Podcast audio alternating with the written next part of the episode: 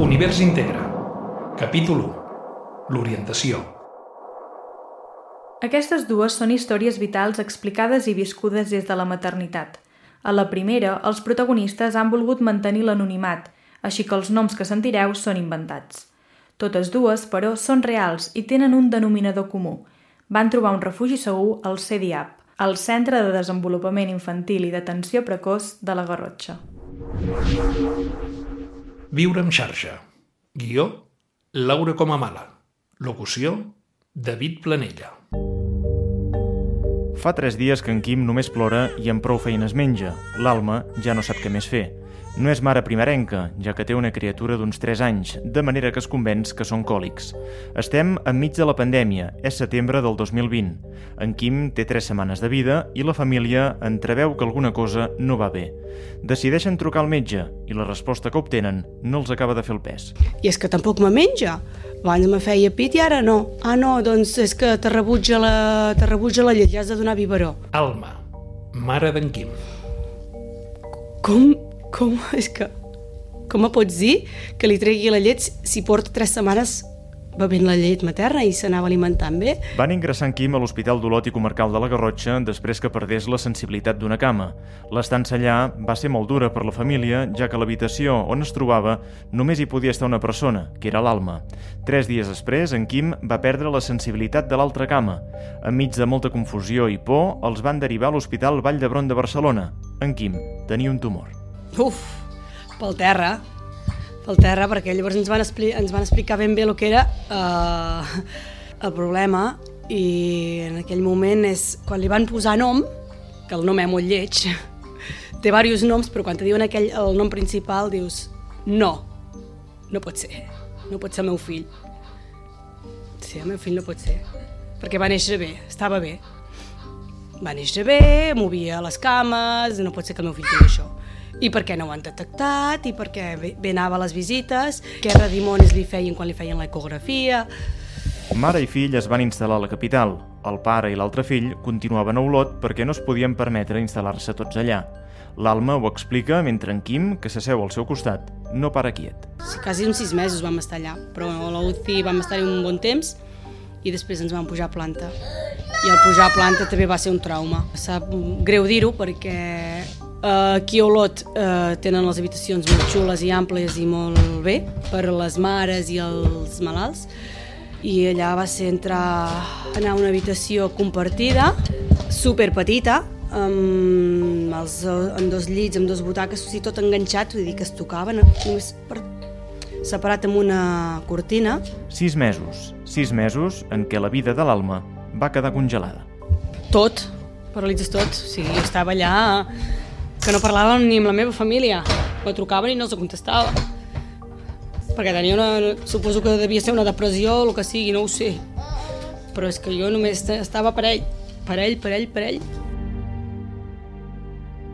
No podia sortir ni estendre la roba. No podia veure ni els veïns, que ni fum ni fam, vull dir que ni els conec ni, ni em van ni em venen. Però no podia sortir ni estendre la roba. No podia ni portar el nen a, a la guarderia, vull dir que no, estava vull dir, tancada a casa meva amb el nen. No volia veure res, no volia sentir res, vull dir, no, no, em va costar molt tirar endavant. Tornar a Olot, doncs, no va ser gens fàcil per la família. Des de la Vall d'Hebron van derivar en Quim al CDIAP d'Olot. Allà li farien el seguiment i només hauria de tornar a Barcelona per fer visites de control.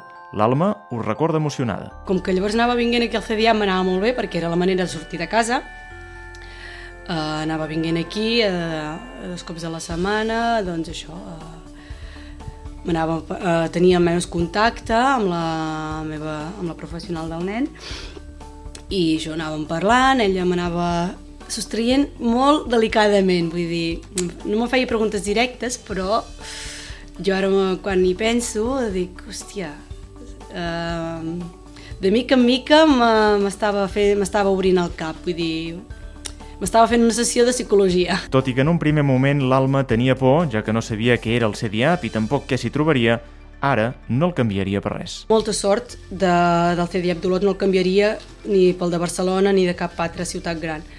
Com et deia abans, que quan em van dir eh, em va passar d'Olot a l'Hospital de Barcelona, dic, uau, que bé, i quan em van dir has d'anar al CDIAP d'Olot i vaig pensar, oi, però si m'estan tractant aquí a Barcelona, que són més experts, olors, no sé què... No, no, mira, se'm posa hasta la pell de gallina perquè realment eh, m'han ajudat moltíssim, perquè no em donaven ni, ni, un, ni un duro pel meu fill. I mira, a base d'anar-lo treballant, d'estar-hi de, molt a sobre, també, també s'ha de dir que a vegades eh, això no, no es veu. I, eh, clar, i està com està, està molt bé, està molt bé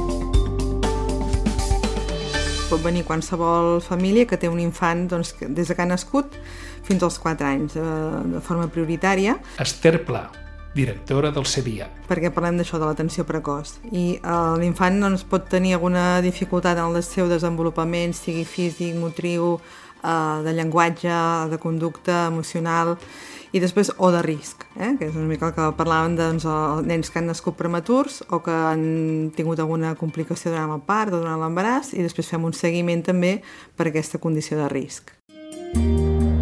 La Laura va néixer a les 31 setmanes de gestació. La seva mare, la Carme Alba, no sabia res del món dels infants prematurs i ja tenia un fill de 5 anys.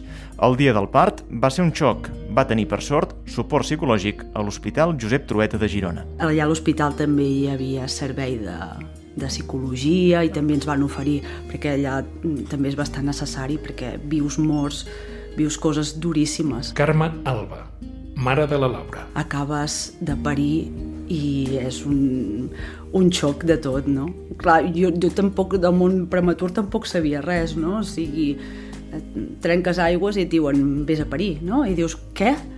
No? És com, entres allà i ja estàs en xoc i, i, i veus tantes coses que jo vaig marxar d'allà amb xoc. Al cap de 15 dies d'haver nascut la Laura, va tenir la primera visita amb l'Ester al CDIAP de la Garrotxa. Ara, després de 4 anys i 7 mesos, l'equip del centre forma part de la seva família. Clar, per nosaltres ha estat un servei totalment integral i d'acompanyament. Clar, mm, les necessitats han variat moltíssim, des de que tenia un mes fins que ha tingut 4 anys i 7 mesos, clar, eh, ha estat un, un ventall de coses molt diferents a fer, no? de quan era un bebè a ara. No?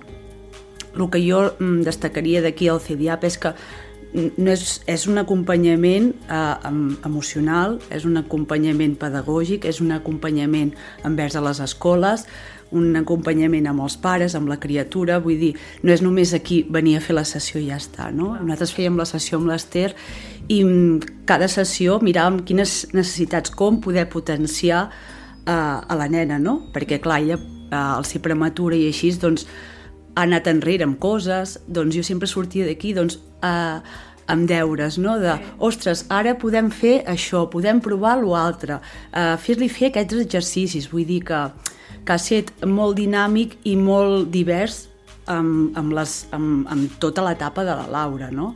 Vull dir que ha estat, eh, ara al final, eh, inclús, vull dir, ja era molt diferent, no? Perquè més la Laura també, eh, no sé, ja hi ha hagut aquesta pinya no? de, de 4 anys i mig que mm. jo quan parlava amb l'Ester, quan parlo amb l'Ester de la Laura, ella ja coneix molt bé a la Laura, no? Vull dir que era com molt fàcil eh, sentia que això era un equip, no? I sentia que si qualsevol dubte o qualsevol cosa que passés, no? Jo li podia explicar a l'Ester i ella al moment sabia què fer, com fer-ho i, i buscava solucions o estratègies per al seu desenvolupament. No? El programa d'acompanyament a prematurs és una part important de la feina del servei. La Carme relata alguns dels desafiaments que la Laura va haver de superar. O sigui, des de que neixen, pobrets, tenen des desafiaments. El primer, per exemple, de la Laura va ser respirar, perquè els pulmons no maduren fins a la setmana 33. Ella va néixer a la setmana 31, vull dir que això, o sigui, ja, ja és començar i ja... Eh, un, re, un rere l'altre, no? donar el pit igual, no? jo me'n recordo que me la posava al pit i amb dues xumades quedava cau, però clar, és que era tan petit, és que no, no tenia força, no? O sigui, ha set tot, des de que ha nascut, un repte, però també ha set, molt, ha set un regal.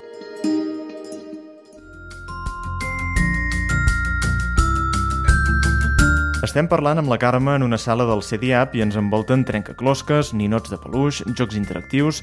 És evident que el joc forma part del dia a dia del centre. El joc pensa que és una forma d'interacció social, per una banda, eh, de coneixement de l'entorn, de descobrir, no?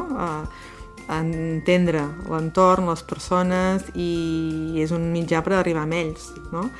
I tenir un ventall doncs, de joguines te'ns ajuda en tenim prou, bueno, eh? No et pensis. el, el, el tema és que, que el nen pugui identificar quines coses li agraden més per tu poder arribar també a ell, no? I poder connectar. I a partir d'aquesta connexió és quan tu pots estirar llenguatge, pots estirar eh, conducta, pots estirar a nivell emocional, bueno, diferents aspectes. Que aquest és un punt superimportant que no hem de deixar com a pares, amb els infants, sobretot, no? perquè ara a vegades el que dèiem les pantalles, no? doncs, que pots com substituir uh, aquestes estones de, de joc per unes estones de joc massa dirigit amb una pantalla, no? De 0 a 3, sobretot, estem parlant. A partir de 3 és diferent. El CDAP ha canviat la manera de veure el món de la Carme i ella ho agraeix. O sigui, he, he après doncs, que cada nen és únic, que cada evolució és única, que no es pot comparar, perquè, vull dir, cada situació, cada... No? Perquè sempre comparem i sempre jo, eh, suposo, bueno, jo particularment, no? Parla, parlaves, no? El meu fa això i... No, eh, he pres aquí que cada evolució és única, bueno, a part de, de totes les coses que he pres, per exemple, amb això que deia l'Ester, que ells treballen a través del joc, no? Doncs mm, he canviat la meva manera de jugar, no? perquè sigui, a part de jugar, intentar doncs, treure'n el màxim profit possible no? amb, amb, amb el meu fill, com el, el gran, com no, no, teni, no va tenir cap dificultat, doncs jugàvem, ara amb la nena penso, quin suc li puc treure a aquest joc, no? O com la puc fer intervenir per, tre per treure allò que necessito que tregui, no? Al CDAP, totes dues mares hi han trobat un equip dedicat amb ganes d'acompanyar-les en tots els processos, alguns més crus que d'altres, i no només han tractat els seus fills, sinó que fent-ho els han donat pautes també a elles. Per en Quim i per la Laura, el servei és part de casa seva, una casa plena de colors i de jocs que estimulen el seu desenvolupament. Totes les famílies desconeixien el CDAP abans que hi fossin derivades i ara ja saben que les portes del centre sempre estan obertes per qui necessiti entrar-hi. Univers Integra, un podcast de la comarca d'Olot amb motiu del número extraordinari i solidari de Nadal.